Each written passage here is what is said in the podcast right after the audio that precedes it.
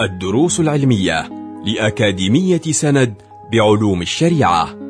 المرحلة الأولى شرح ميسر لمجموعة من المتون المختصرة تفيد المتلقي في دنياه وآخرته.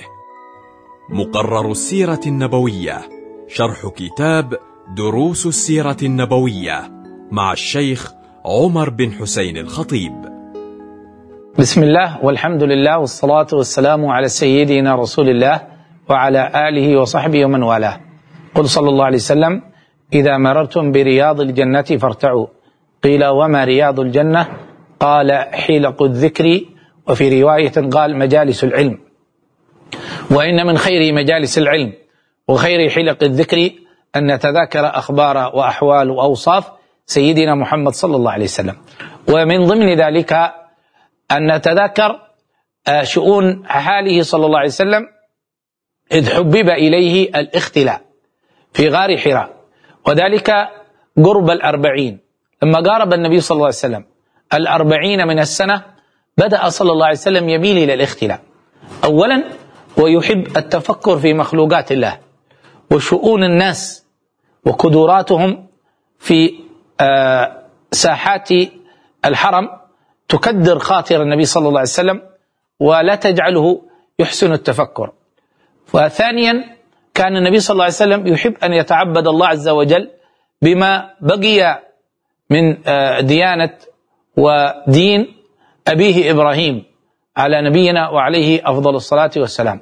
وثالثا كان صلى الله عليه وسلم يكره ما يرى عليه قومه من عبادة الأصنام من الزور من الباطل من الجاهلية التي كانوا عليها. فكان يحبب إليه الخلاء. فكان يختلي في غار حراء. مكان بعيد من الحرم في أعلى الجبل. يسمى الجبل جبل النور. والغار يسمى غار حراء. ومن مميزات ذلك الجبل أنه من جهته إلى نحو الحرم ترى الكعبة منه. فكان النبي صلى الله عليه وسلم يصعد كان ينظر إلى بيت ربه يتفكر في مخلوقات الله عز وجل تعبد بما بقي وما عرفه من دين إبراهيم عليه الصلاة والسلام. فكان يمكث الليلة ثم بدأ يمكث ليالي ثم بدأ يزيد في ذلك ثم وثم أي ثم يعود إلى مكة. ثم بدأ بعد ذلك لا يحب حتى العود ويرن لرؤية الناس في مكة. وكانت تتلقاه بالزاد سيدتنا خديجة رضي الله عنه في موكن معها بيت معها ليلة. ثم تزوده ثم يعود بعد ذلك إلى غار إلى غار حراء. وهذا المكان الذي كانت تجتمع معه السيدة خديجة رضي الله عنها مكانا معروف. إلى يومنا هذا بني في محله مسجد يسمى مسجد الإجابة. معروف هذا المكان بجنب مسجد آخر يسمى مسجد الجن بجنب مقبرة المعلاه والحجون التي قبرت فيها السيدة خديجة وعدد من أصحاب النبي صلى الله عليه وسلم ويقبر فيها الأخيار والصالحون إلى يومنا هذا. وهكذا كان حاله صلى الله عليه وسلم. لذلك يقول السيد الهدار في كتابه دروس من السيرة النبوية يقول آه لم يكن شيء أحب إليه صلى الله عليه وسلم من الخلوة. لما فيها من الفراغ من الشواغل النفسية آه ومن الدوام على ذكر الله. ومن إشراق أنوار العرفان في القلب والبعد عما كان يمقته من أعمال الجاهلية. فكان يخلو بغار حراء بأسفل مكة في آخر مكة غار حراء. الليالي والأيام بدأ ببعض الأوقات ثم بعد ذلك بدأ يحبب إليه طول المدة وطول الزمن. وربما بلغت شهرا. وكان يتزود لذلك فإذا فرغ الزاد عاد لبيته وتزود لفترة أخرى. كان في بعض الأيام يعود لبيته. وربما أتى ليلا في بيت خديجة وهيأت له الزاد فدخل وبات وخرج ولم يرى الأولاد. يعني ما اجتمعوا به ويرجع إلى غار ويرجع إلى غار حراء كل ذلك ليتأهل صلى الله عليه وسلم لهذا الشأن العظيم الوحي الذي أنزله الله عز وجل عليه. فلا تزال من ذلك الزمان إلى زماننا إلى ما بعد زمانها الأمة في بركات هذا النور الذي ظهر لرسول الله صلى الله عليه وسلم في غار حراء. فإذا فرغ الزاد عاد لبيته وتزود لفترة أخرى. فأحيانا يأتي كما ذكرنا إلى البيت. وأحيانا تقابله السيدة خديجة بعد الحرم آه، بفترة ومسافة. نحو كيلو أو تزيد. آه، في موضع معين هو الذي بني الآن فيه مسجد الإجابة هو قريب من الحجون كما ذكرنا. حتى جاء شهر رمضان. ففي بعض أشهر رمضان المبارك الذي أكرمه الله عز وجل فيه وأكرم الأمة به.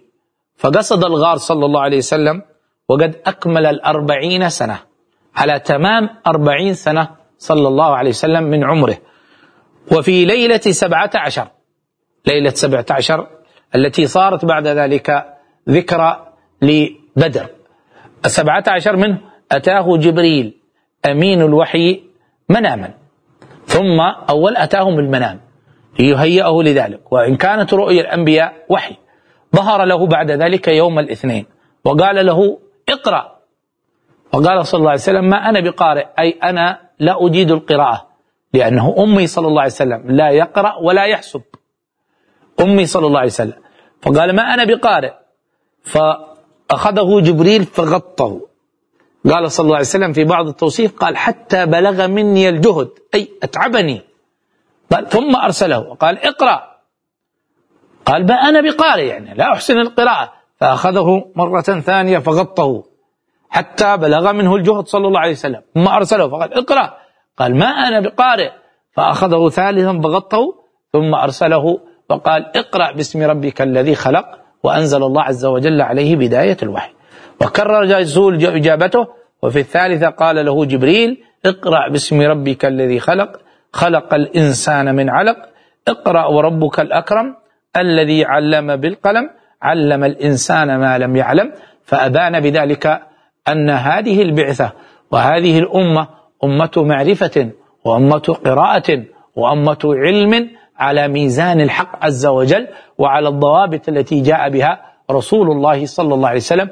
فليست الأمة أمة جاهلية لا تعرف أو لا تحب المعرفة وليست آه، ضوابط المعرفة عندها تتخطى الحدود وتتخطى الضوابط الشرعية بل كل ذلك مضبوطا بضوابطه مما ينفع العباد والبلاد. وكل معرفة تؤدي إلى الهلاك وتؤدي إلى الدمار. وتؤدي إلى الفساد فدين الله عز وجل ورسالة النبي صلى الله عليه وسلم. وهذه البعثة التي جاءت بإقرأ تمنع ذلك تمنع ذلك. فالتبجح اليوم بما يسمى بأسلحة الدمار الشامل هذا تبجح بالفساد هذا تبجح بالإضرار هذا تبجح بالاستكبار على الآخرين هذا تبجح باستضعاف واستذلال الآخرين. فأي تبجح؟ هذا ليس في دين الإسلام وليس في البعثة.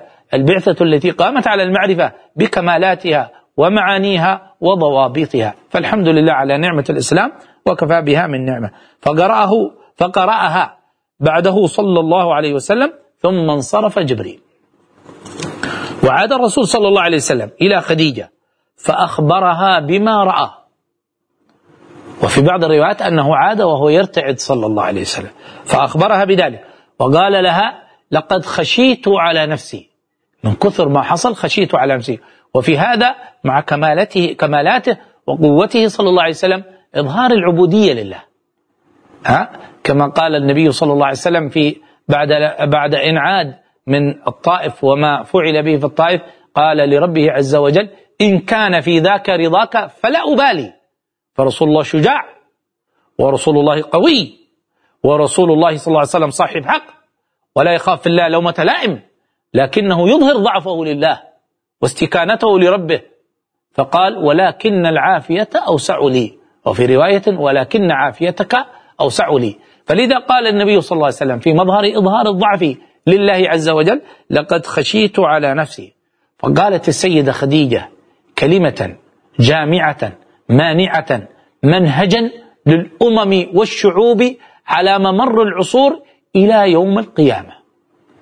عجيب. ماذا قالت؟ قالت كلا والله. كلا. فوالله لا يخزيك الله أبدا.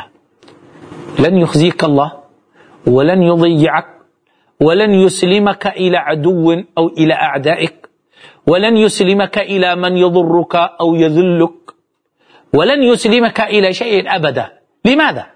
أخذت المقومات للنجاح في الفرد وفي الأسرة وفي الأمم والشعوب.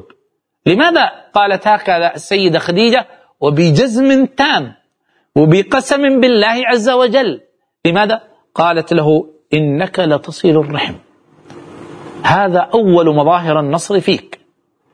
إنك لتصل الرحم. وتصدق الحديث. لست إنسانا كذابا. وتصدق الحديث. وتحمل الكلة. من تعب تقوم بمعاونته والأخذ بيده ومساعدته. تحمل الكل الكل التعب. وتحمل الكل وتكسب المعدوم. من افتقر من اعوز تكسبه. تعطيه من المال وتعين على لا وتعين على الكسب. وتكسب المعدوم. وتقري الضيف. كريم. إذا حل بك ضيف إذا نزل عليك ضيف أكرمته وأحسنت قراءة وتقري الضيف وتعين على نوائب الحق.